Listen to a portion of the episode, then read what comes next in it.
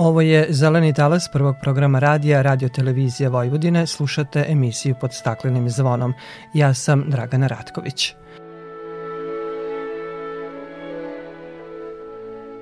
Poslanici Skupštine Srbije usvojili su izmene i dopune zakona o upravljanju otpadom. Čućete koje novine sadrži usvojeni zakon. Govorit ćemo o projektu za dovođenje vode u specijalni rezervat prirode Okanjbara, o Međunarodnom danu ptica i drveća kojim se ukazuje na značaj očuvanja prirode i stanište ptica, kao i o danu ekologa. Predstavit ćemo vam jednog od prvih ekologa na ovim prostorima, književnika i osnivača prve ekološke umetničke komune porodice Bistrih potoka, Božidara Mandića. O svemu ovome u nastavku emisije.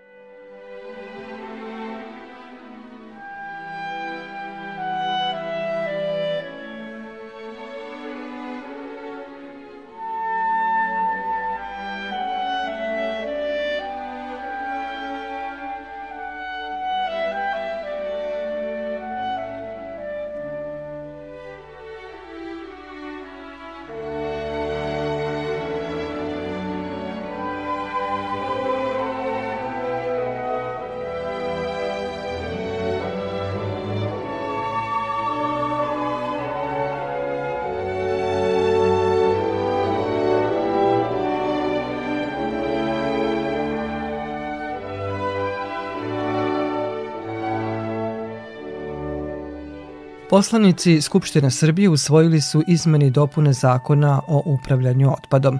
Ministarka zaštite životne sredine Irena Vujović govorila je pred poslanicima o predlogu zakona o izmenama i dopunama zakona o upravljanju otpadom.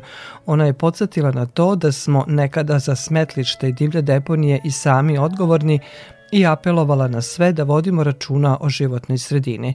Prema njenim rečima, vlada je odvojila značajnu sumu novca kako bi izgradila neophodnu zelenu infrastrukturu, kako bismo svi mogli da se ponašamo u skladu sa propisima, da razdvajamo otpad i da podižemo stopu reciklaže. Takođe, odvaja se i značajan novac za zatvaranje nesanitarnih deponija, a to su lokacije na kojima smo mi više od 50 godina odlagali otpad. Sada ih zatvaramo, rekultivišemo, na tim lokacijama su sada zelene površine, neretko i parkovi i svakako su zdravije i utiču na bolji kvalitet vazduha. Očekuje se potpisivanje ugovora za zatvaranje nesanitarnih deponija u Rumi, Zrenjaninu i Požegi, a prethodne godine smo zatvorili veliki deo nesanitarnih deponija, izjavila je ministarka. Od Evropske banke za obnovu i razvoj država je obezbedila 150 miliona evra za izgradnju regionalnih reciklažnih centara.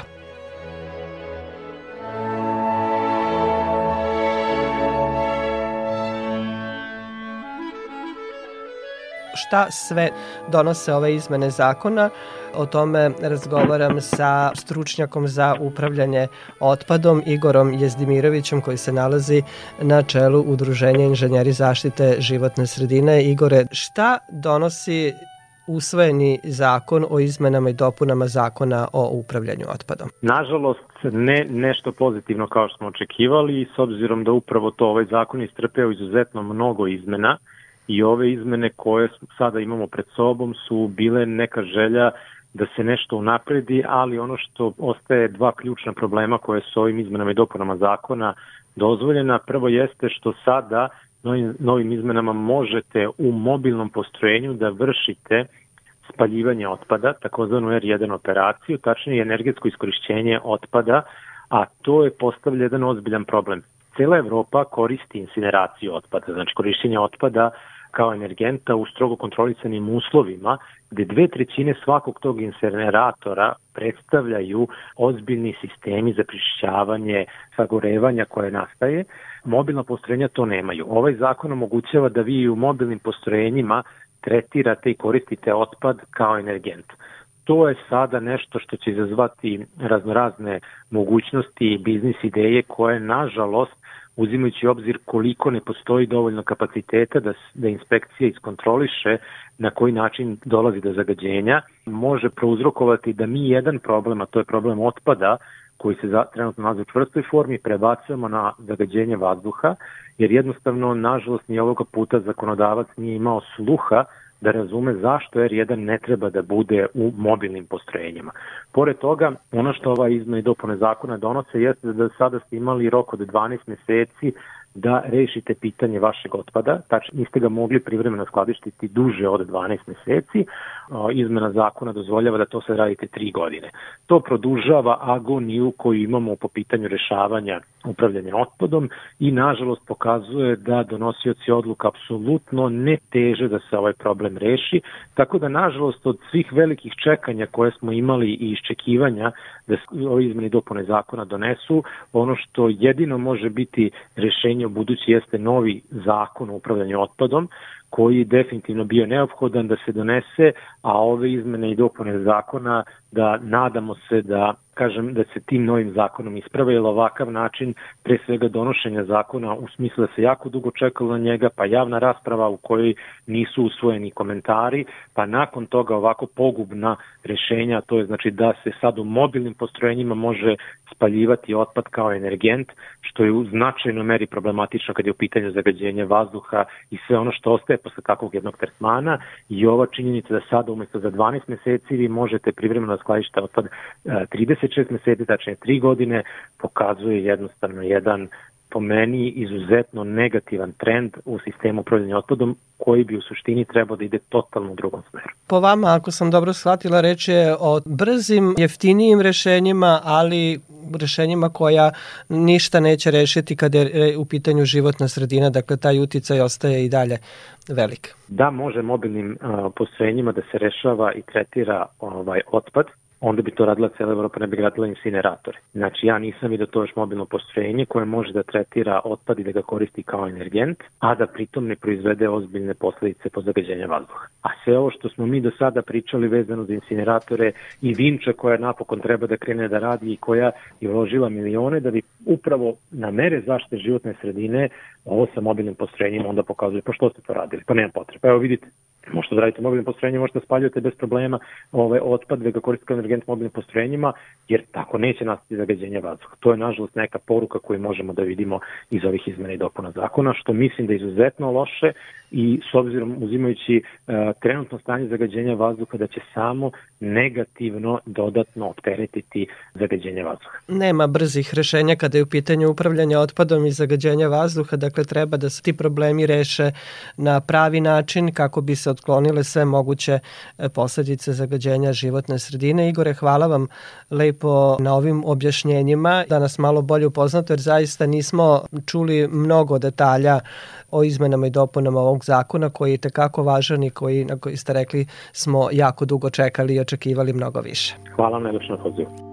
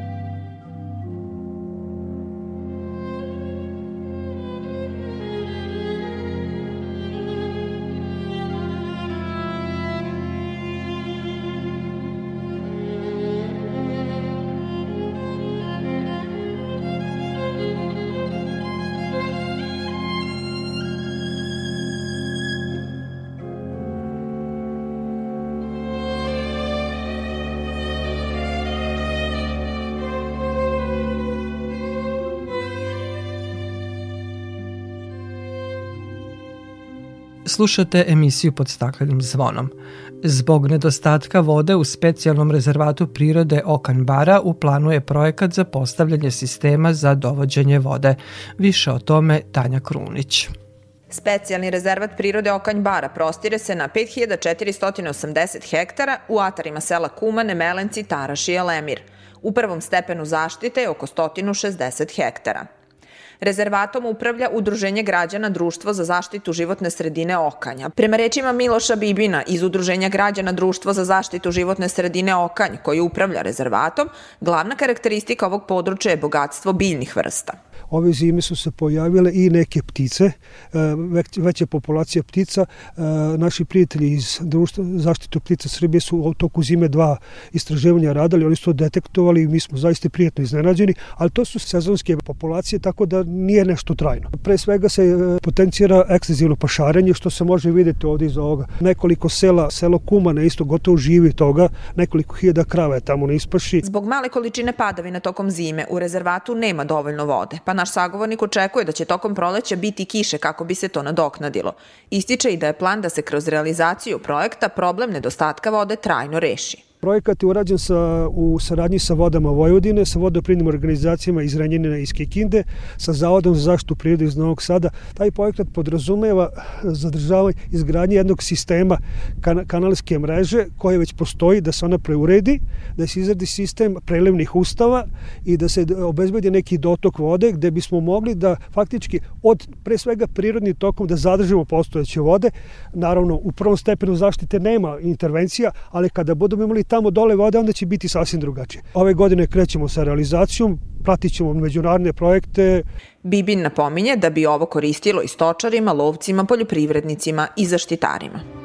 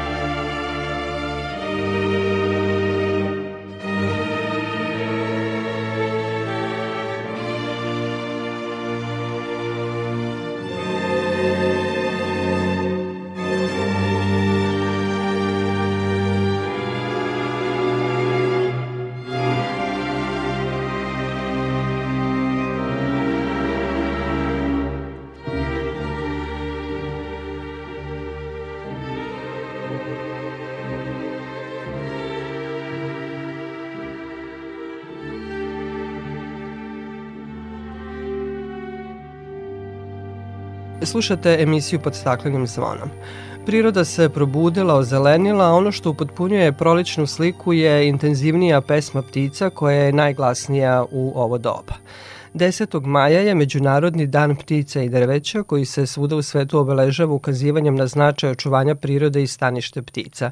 Danas postoje brojni faktori koji negativno utiču na živi svet, a o pticama, povezanosti ptica i drveća razgovaram sa mojim gostom. Moj gost je Dimitrije Radišić sa Departmana za biologiju i ekologiju Prirodno-matematičkog fakulteta u Novom Sadu, Dimitrije. Obeležavanje ovih međunarodnih dana koji su početkom maja nekako posvećeni pticama od dana ptica, dana drveća i ptica, prilika je da možda pokušamo, kako je neko rekao, da sagledamo svet iz ptičije perspektive i da vidimo kako je to biti ptica u današnjem svetu. Ptice su životinje koje su svugde oko nas i kao takve, one su za većinu nas prilika da budemo u malo intimnije vezi sa prirodom ovim povodom kojim sam zvalio emisiju, ja sam se setio rečenice ili misli scenarista serijala Gradske ptice. Za nas je to bilo interesantno iskustvo kad smo snimali tu emisiju koji je rekao da ih je na emisiju inspirisalo to što su oni sasvim slučajno primetili kako se oko njih odvija život kojeg nisu bili svesni, oni su gledali strahu koja je jela jogurt na njihovom prozoru i oni su tada shvatili da u stvari oko nas postoji ceo svet jedan koji se odvija potpuno nezavisno od naše volje, od, od našeg saznanja. Recimo da je to možda pravo shvatanje prirode, odnosno to je, to je onako neka misa koja nas najbolje uh, povezuje sa onim što je smisao posmatranja prirode, koja je tu okolo. I očigledno je da nas ptice fasciniraju ta fascinacija, ja mislim da prevazilazi te racionalne razloge zbog čega su nam ptice važnije. To možemo puno da pričamo i može to detaljno da se elaborira, ali jedna od meni interesantnih stvari koje smo sam očio na terenu istražujući ptice i komunicirajući sa ljudima, to je da ljudi na ptice reaguju intenzivno, očigledno ima neka naša urođena percepcija ka tome da su ptice interesantni organizmi, ptice će primetiti deca koja su iz bogatih, obrazovnih porodica, ona koja žive samo na pašniku koji nikada nisu videli ništa drugo osim svojih e, domaćih životinja, primetit će ljudi koji se bave različitim zanimanjima i tako dalje. Dakle, očigledno je da ptice kod nas izazivaju neku snažnu emociju, Međutim, sa druge strane, uočljivo je i vidi se da je današnji stil života takav da nas otuđe od prirode. Čak psiholozi kažu da ima nešto što, čemu su dali ime nature deficit disorder kao sindrom otuđenosti od prirode. Mnogi su prirodnjaci to uočili, Jono Medović je pisao jedan autorski tekst koji je bio na tu temu i tako dalje. I u tom smislu ovaj praznik ima za cilj da nam pomogne da se osvrnemo oko sebe i da primetimo ptice. I nema u našim krajevima, umereno kontinentalnim, koji su uh, sezonski, gde je život podređen sezonama, nema boljeg perioda za obraćanje pažnje na, na ptice osi, od ovoga. Dok sam dolazio do vaših studija, primetio sam da su oko zgrade gačci, zanimljivo je zato što su oni gnezde na drugoj strani Dunava, dakle to su ptice koje preleću reku i lete na velike razdanje da bi našli hranu. Nije lako ili zanimljivo je razmišljati o tome zašto ptica koja je svaštojed prelazi toliko velike razdanje da bi našla hranu koja je verovatno dostupna i sa druge strane Dunava, odnosno u gradu Novom Sadu, pored vaše zgrade u nekom šipražju koja je nastalo na mestu nedovršene građevine ili već tako nečega, pevao je slavu i interesantno je kako one ptice popunjavaju prostor sa zgrade vaše televizije peva crna, crvena, repka i tako dalje. Hoću da kažem da, da su ptice svuda i kada naučite da ih posmatrate, kada naučite da ih razlikujete, posebno kada naučite da razaznate pesmu ptica, to je način njihov da se oglašavaju, da komuniciraju i da označavaju svoje teritorije, da privuku partnera i slično, tada vam se otvara novi svet koji je mnogo popunjeniji nego što bismo rekli na prvi pogled i pretpostavljam da je u tom saznanju i velika vrednost, dakle da jednostavno oko nas se odvija jedan jako kompleksan život koji je jako popunjen i jako intenzivan. Pticama se svakog dana dešavaju uh, lepe, ružne stvari, njihovi životi počinju i završavaju se i to je nešto sve što možemo da primetimo samo ukoliko se osrnemo sa strane. Tako da, eto, ovaj dan ima za cilj da nas pozove da u tome učestvujemo, mnogo je mogućnosti da, da se uh, osvrnemo na ptice i budući da kao što sam objasnio, da imamo preferenciju prema njima, verovatno je samo do nas da se i potrudimo da ih bolje upoznamo i više učestvujemo u njihovim životima. Bez obzira na to koliko možda malo pažnje obraćamo na svet oko sebe, nekako tokom proleća i moje kolege koji dolaze svakodnevno i kažu uživali smo u neverovatnoj e, pesmi ptica koji do sada nisu primećivali ili tokom godine slabije primećuju, ali proleće je nekako godišnje doba kada ptice intenzivnije pevaju kao što rekoste komuniciraju upravo zbog obeležavanja svoje teritorije, parenja, gneždenja i tako dalje, tako da je ta pesma možemo reći najzanosnija u ovo godišnje doba, u ovom periodu. Jeste. Mi, kao što sam rekao, živimo u uh, sezonskom svetu, odnosno naše umerene oblasti su takve da sezone diktiraju sve procese u životu, pa je tako i sa pticama.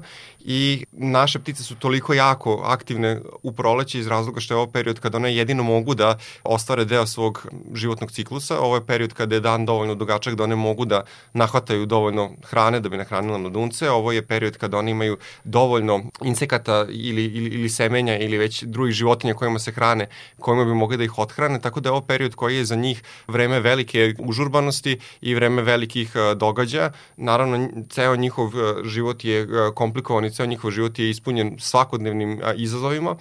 Mnogi dokumentarci koji govore o prirodi upravo pokušavaju da prikažu te izazove, jer između oslog oni nam pomažu da malo bolje razumemo koliko je, nije lako biti životinja i onda malo više cenimo jel da, i a, njihov a, život, ali u svakom slučaju ovo je period kada su one jako užurbane i kada one moraju da odrade mnogo toga najvažnijeg za sebe. On. Životni ciklus mnogih od njih je dosta kratak. Mnoge ptice žive prvo relativno kratko, drugo ovo je njihova praktično jedina prilika. One sve moraju da odrade za ovih mesec, dva ili tri u zavisnosti od, od vrsta i fascinantno je kako ove neke od njih mogu da spakuju puno životnih aktivnosti i izazova u, u kratak period. I onda prirodno da mi njih u tom periodu čujemo, da ih primećujemo, prirodno je da onda dolazimo s njima na neki način u susret, recimo ovo vreme kada će većina naših sugrađana se sresti sa mladim vranama koje su ispale iz gnezda, sa mladim sovama koje pište, koje nikada do tada nisu ni primećivali jer one sede negde na, na granama skriveno, ali sada intenzivno dozivaju svoje roditelje. Ovo je vreme kada će nam se u kućama slučajno pojaviti mladunci raznih vrsta kao što su senice, crvene repke i tako dalje, koje će slučajno uleteti jer se radi o mladuncima koji nisu još uvijek spremni za samostalni život i slično. Tako da, eto, prosto iz tog njihovog užurbanog životnog stila u ovo vreme potiče i to da mi njih sve više i više primećujemo, ali jako je važno da kažemo da ono što mi percipiramo kao svoju sredinu, recimo gradove, sela i slično, i mi imamo generalno tu tendenciju da prisvajamo svet, pa verujemo da on napravljen po našoj meri, da, da, da možemo da upravljamo s njim u potpunosti prema našim potrebama, zapravo to je i njihov svet i oni ga koriste i koriste sve pogodnosti koje donosi takva životna sredina, pa i naši gradovi. Naravno, mnogo smo im napravili izazova u njihovoj životnoj sredini i to je jedan od razloga zbog čega su mnogi vrste ptica i, i u opasnosti. Svaka šesta ili sedma vrsta ptica na planeti je pod rizikom od iščezavanja. Većina vrsta koje mi primećujemo u našoj najbližoj okolini nisu te kojima preti neposredna opasnost od izumiranja, međutim čak i kod nekih od njih mi u stvari vidimo neke jako negativne procese. I neke od najbrojnijih, najčešćih ptica mogu, ukoliko se uslovi promene, mogu postati ugrožene.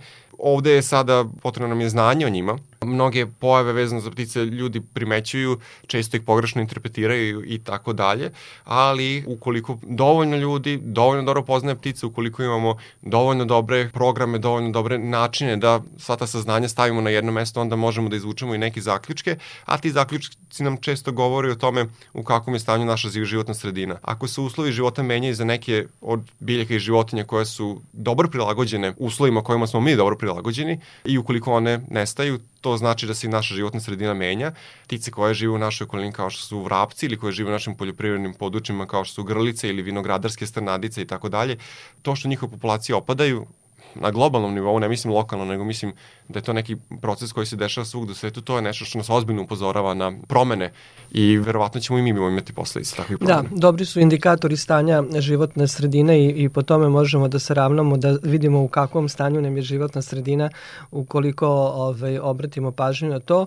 Brojni su faktori koji utiču na populaciju ptica od klimatskih promena, zagađenosti, uništavanje staništa, a možda zašto se i ovaj datum 10. maj obeležava zajedno dan ptica i drveća je i to što su drveće jedno od staništa, možemo tako reći, ta povezanost između ptica i drveća je nekako prirodna i ona postoji. Zbog svakodnevne seče i uništavanja stabala mnoge ptice ostaju ovaj, bez svojih staništa.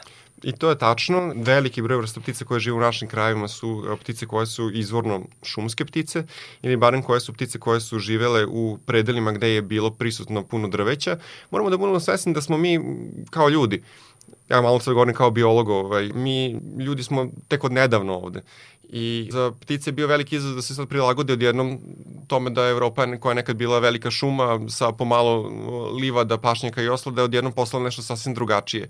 I to što mi vidimo razne ptice koje žive u gradovima, selima, poljoprivrednim područjima i slično, to su one koje su uspele da nađu slične uslove kao oni koji su postojali u njihovim prirodnim staništima.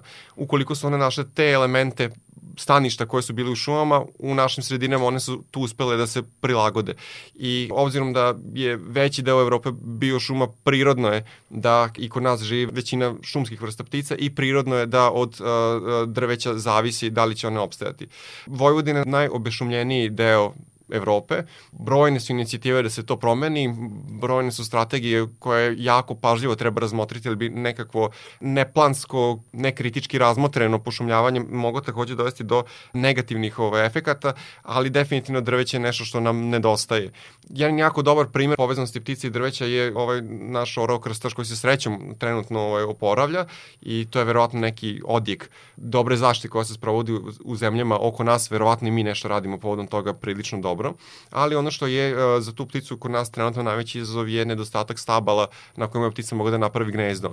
U stvari, on je uspeo dosta dobro da savlada život u našim uh, poljoprivrednim predelima, nalazi tu hranu, uh, uspeva da pronađe mesta koja su dovoljno mirna da, da, da, da nema suviše uznemiravanja, ali ono što mu u našim krajima fali to je gde da napravi, gde da napravi gnezdo. To je jedan ovako jako očigledan primer gde, gde smo povezani s njima.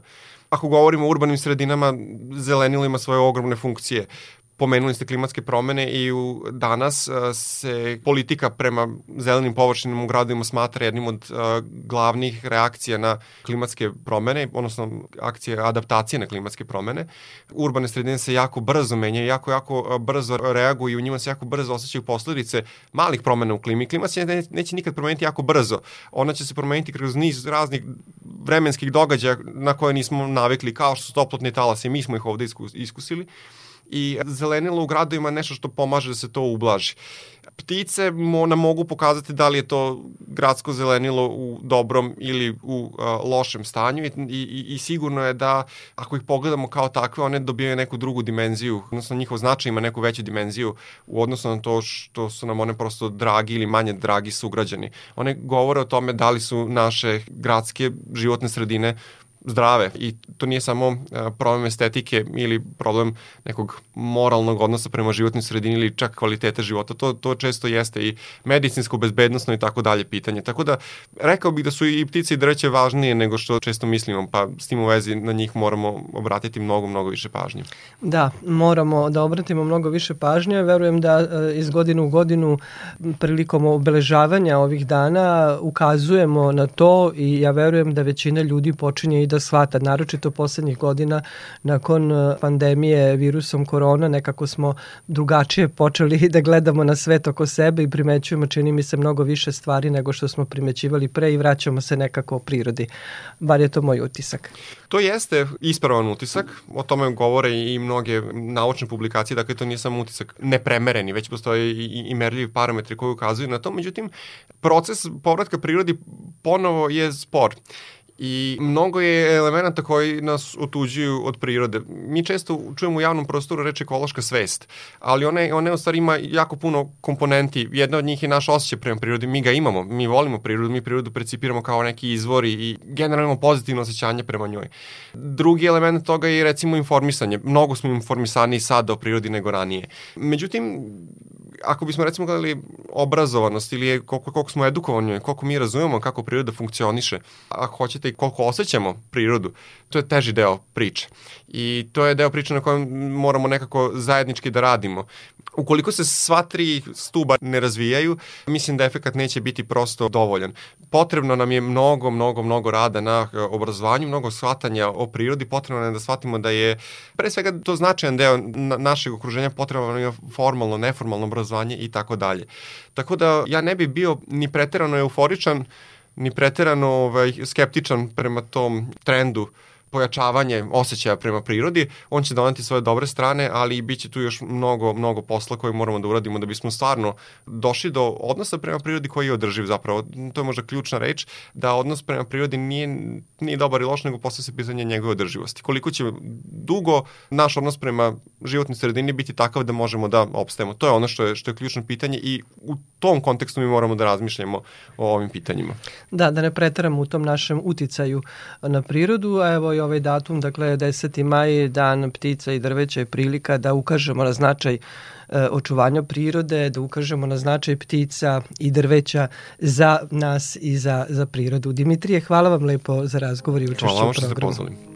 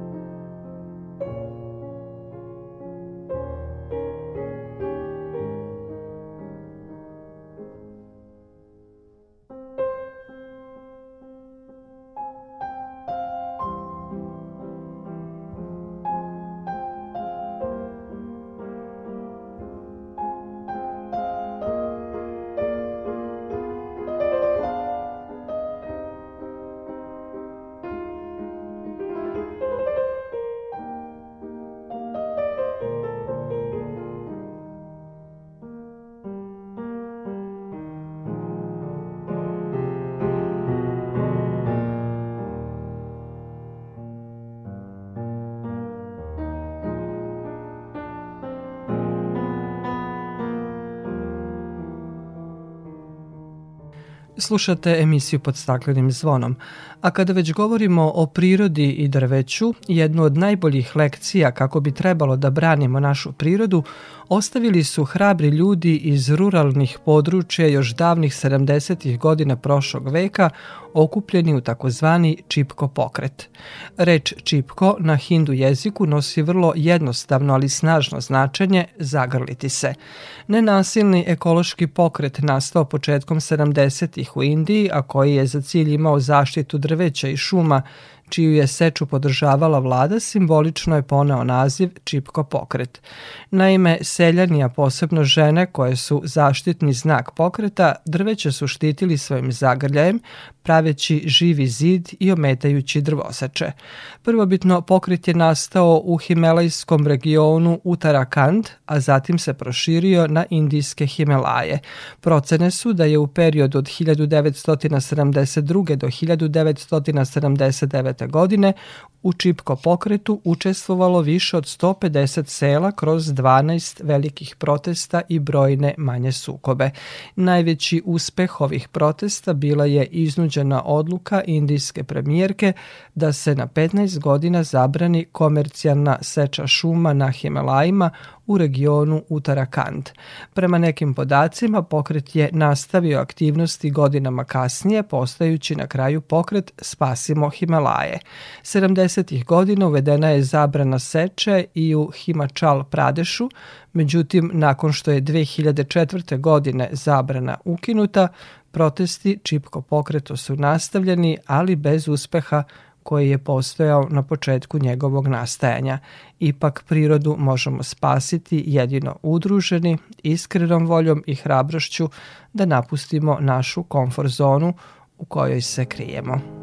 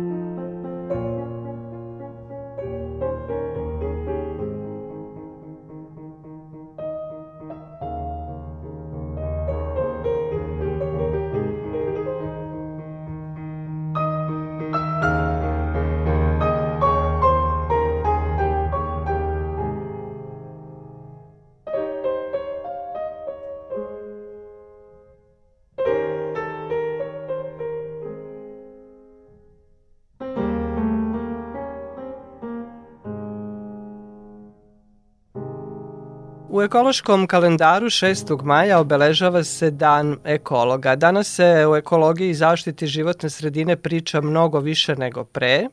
Postoje čak i brojni fakulteti i smerovi na kojima se školuju kadrovi sa zvanjem ekologa ili inženjera zaštite životne sredine, ali moramo priznati da nije se baš mnogo promenilo stanje u životnoj sredini. Ko su ekolozi u Srbiji danas? Jednog iskonskog predstavit ćemo vam u emisiji. Moj sagovornik je Božidar Mandić, književnik, osnivač prve ekološko-umetničke komune porodice Bistrih potoka, ali i veliki ekolog. Božidare, jedan veliki zagrlja iz Novog Sada.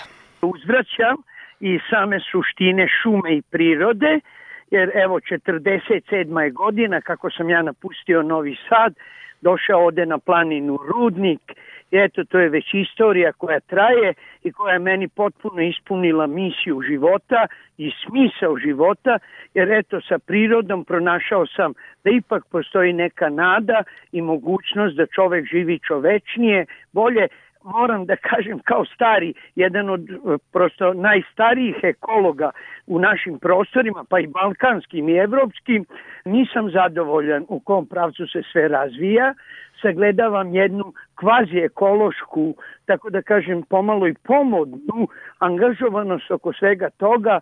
Ona je prešla malo u salonsku koncepciju i mene ipak eto još zanima da živim sa prirodom, da emitujem ono što me priroda nauči, jer eto, moram to da kažem, ovih dana desili su se masakri koji su strašni, koji upravo govore e, da deca i mladi su otuđeni od prirode, sve više su po kompjuterizovani, po fetišizovani i sagledavamo tu jednu beščovečnost, tako da ja bi mogao dugo pričati, jer porodica Bistri Potrka je istorija, ja se nadam dostojanstvena, dosledna i da ću još trajati, pogotovo što je ovo centar u koji dolaze ljudi i nekako tražeći nadu, ja mislim da ipak i nađu od kada ste otišli i napustili ovu urbanu sredinu i otišli, da tako kažem, u šumu, niste se promenili, ostali ste dosledni životu u skladu sa prirodom. Mnogi mladi počinju tako, ali brzo odustaju, e, ne mogu da izađu iz te svoje zone komfora. Ja sam ovde našao u tom elementarnom životu i ko je dolazio kod mene već 1977 kada bi došao zatrkao bi gotovo sve slično i arhitekturu i trave i stabla i tako dalje. Tako da mene jako zanima taj život sa elementarnim bićima živeti jednostavno ne ovisiti o profitu, o novcu, o uspehu, o komforu, nego živeti sa živim bićima, pogotovo koje nije stvorio čovjek. Znate, Justin Popović kaže, ko je stvorio ovu zemlju? Ako vi možete da je se stvorite mekšu, ja, ću, ja ću vam aplaudirati. Ali hoću to da kažem da ja sam uh, prošle godine imao veliku izložbu u galeriji savremene umetnosti sa Markom Pogačnikom, deset meseci i jako je puno dolazilo studenta iz Evrope da vide naše radove od kravlje balege, od drveta, od kanapa, od kamena i tako dalje i uh, moram da kažem svi se bave, znači bio sam bar sa 50-ak, 70 studenta, svi se bave ekologijom i konceptualnom umetnošću. Eto, mi smo znači pioniri svega toga i jako je važno da ja sačuvam taj habitus i odgovornost da se može živeti sa prirodom, da se može živeti u prirodi. Naravno da je to težak put, prvo nerazumevanja, kada sam ja pominjao reč ekologija, 72. treće, niko nije znao ni šta to znači. Ja danas kad pitam ekologe, da li znate ko je izmislio tu reč, nisam još ni jednog ekologa našao koji to zna. Tu reč je izmislio Ernst Haeckel, 1868. sasvim slučajno, ali eto ona je zaživela u pre 200 godina. Tako da hoću da kažem, nisam zadovoljan sa mladima, čak i sa alternativom, vraćaju se mladi ljudi, čak ode od Liga do Rudnika, ima već 20 malih komuna, ali pre, u njima prepoznajem jednu imitantnu notu i jednu sujetnu notu i skoro niko ne živi zajedno ili da se družimo i tako dalje. Tako da ja i dalje e, slovim za čoveka koji ima kritičku, intelektualnu, ekološku oštrinu i mislim da to i nije loše, da bi te mlade povremeno i probudio da se prosto, da kažem tako, vrate potoku, da se vrate stablima, da se vrate naravno čišćenje, jer ne mogu ni ja više e, da kažem toliko da učinim ni za šume, jer je ogromna devastacija.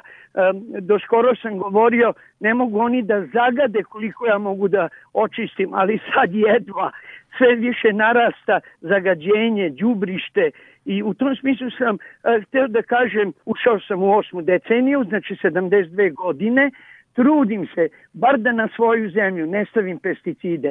Nijedno drvo kao književnik nisam posekao za ogrev. Čistim 3 km oko kuće. Ja mislim da je čistije nego u Švajcarskoj. Ja bih voleo kad bi cela Srbija tako sama učinila nešto da očisti oko sebe, jer recimo, recimo Ljubivoj Rašumović, ja smo izračunali kada bi svaki Srbin očistio 83 metra oko sebe, Srbija bi bila besprekorno čista od plastike, od džakova, od flaša, kesa i tako dalje. Tako da u ovom trenutku ja jako pokušavam da održim tu kondiciju, ali da se trudim da, iako još budem stariji, čistim dokle god mogu, da ne rušim, da volim biljke i moram da kažem da ja to sad sve više pretačem umetnost, znači to je likovnost, to je književnost, to je teatar, kolumne u kojima pišem, e, zato što imam jedno ogromno iskustvo, iako nisam dosadan, dosta se svađam sa naučnicima, tehnolozima, jer ekologija nikako nije nauka, nego način života, ali kada posle nekih dužih polemika ja njima kažem, ali ljudi, dođite da čujete šta trave kažu, šta leptir kaže, šta daždevnjav kaže, šta kaže stena, onda svi začute, jer očito da je čovečanstvo u 21. veku ušlo u taj devastacioni, prosto da kažem, intenzitet i to je sve gore i gore. E, ostalo je 35% šuma, pijaće vode 0,5%. Ali kažem, nije samo to zastrašujuće. Zastrašujuće što priroda urliče od bola ono što je čovek radi.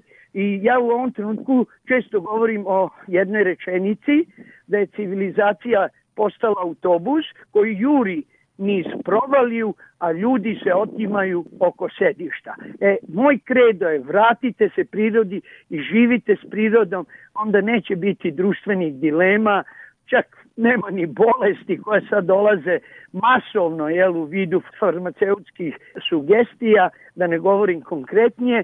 Tako da ja vidim u prirodi još radost, još vidim mogućnost i vidim da mladi traže da pronalaze tačke i primere da se može nešto ostvariti. Mnoge probleme koje danas imamo, kažu, rešenje je uvek u prirodi i samo moramo malo postati senzibilniji prema toj prirodi da je što više osetimo, jer nikada se više nije pričalo i govorilo o prirodi i zaštiti prirode, a problemi su sve veći.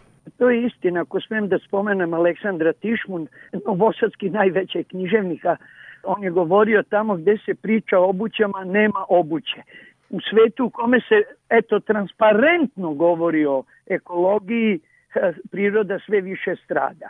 Ali ja, eto, ja sam ipak stvaralac, književnik, gotovo ceo moj opus, i egzistencijalni, i umetnički, zasnovan je od, osluhivnosti, osluškuje šta priroda traži, a to je saradnja, to je revolucija nežnosti, ja čak sad sam sebe nazivam da sam reformator radosti, jer recimo Ingemar Garden, poljski e, filozof, kaže kad izgubite besmisao, idite u prirodu, ništa više ne, nema, nema pitanja. Mislim, u prirodi se pronađe taj neki smisao, tako da ja sam za odgovornu ekologiju, gestualnu ekologiju, isto tako za kritiku činjeničnog stanja koje je pesimistično, ali da mladi što više se vrate prirodi, svojoj prirodi i da zaista budu čovečna ili ljudska bića, a ne predmeti, ne ovaj, kako recimo u Evropi već zovu čoveka pod čovek. Tako da eto ja se izvinjavam kompetencija koju imamo 47 godina koliko živim u šumi, samo želim da pretočim u optimizam i nadu i taj e, gestualni čin da se naravno mora imati žuljevite ruke u prirodi, da nije sve lako, ja ustajem u četiri sata, da ima tu i poteškoća, naravno nije to sve tako savršeno idemo, ali da su potencijali za ljudskost i čovečnost ogromni baš u prirodi. Tako da ja ću čuvati porodicu Bistri potoka, uvek mi je drago kad vidim mlade ljude ovde, oni deluju kao šareni cvetovi, sad su eto maslačak, bela rada, ovaj, podbeli, sve to, o, o, kako bi rekao, jedno predivno, prirodno i, o, o šarenje, ša, šarenilo, ali e, nekako videli smo sad i ovo o šta se dešava sa agresijom koja narasta. Mislim da je u prirodi agresija deset puta manja. Da, sigurno da jeste. Ja vam želim da ostanete i dalje optimista, dosledni onome što ste radili ceo svoj život, dakle da živite u skladu sa prirodom, a verujem da će i mnogi mladi kada čuju ovo, a i verujem vratiti se i neke odgovore pronaći u prirodi. Božidare, hvala vam lepo za razgovor i učešće u programu Radio Novog Sada. Hvala i vama i pozdrav i šume gde je sve zeleno, tako da, eto, pozdrav celokupnog zelenila iz porodice Bistrih potoka.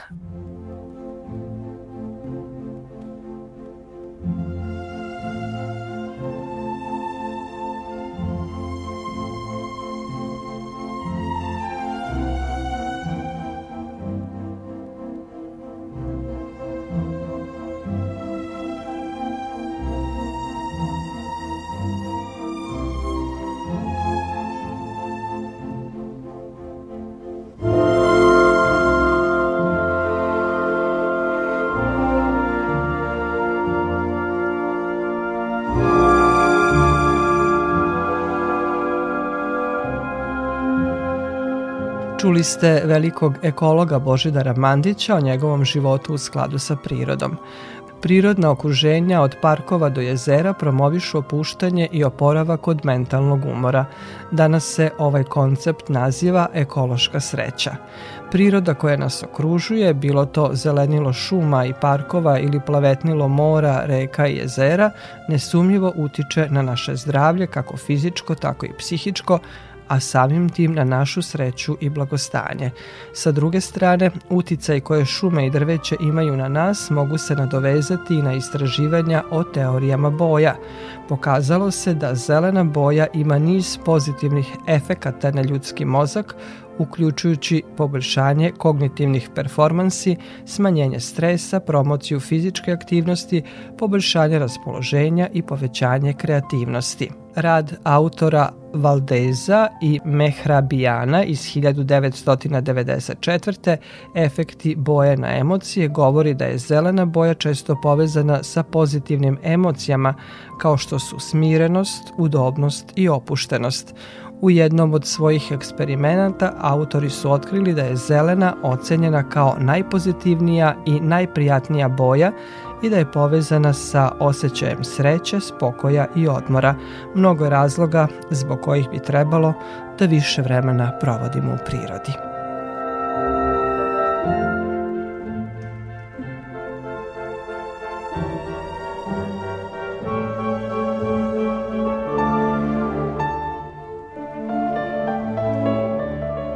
Toliko za ovo izdanje emisije pod staklenim zvonom koju možete slušati i odloženo na podcastu Radio Televizije Vojvodine na adresi rtv.rs. Emisiju su realizovali Sabina Nedić, Maja Tomas i Dragana Ratković. Sledeći susret zakazujemo za sedam dana u isto vreme na zelenom talasu prvog programa radija Radio Televizije Vojvodine.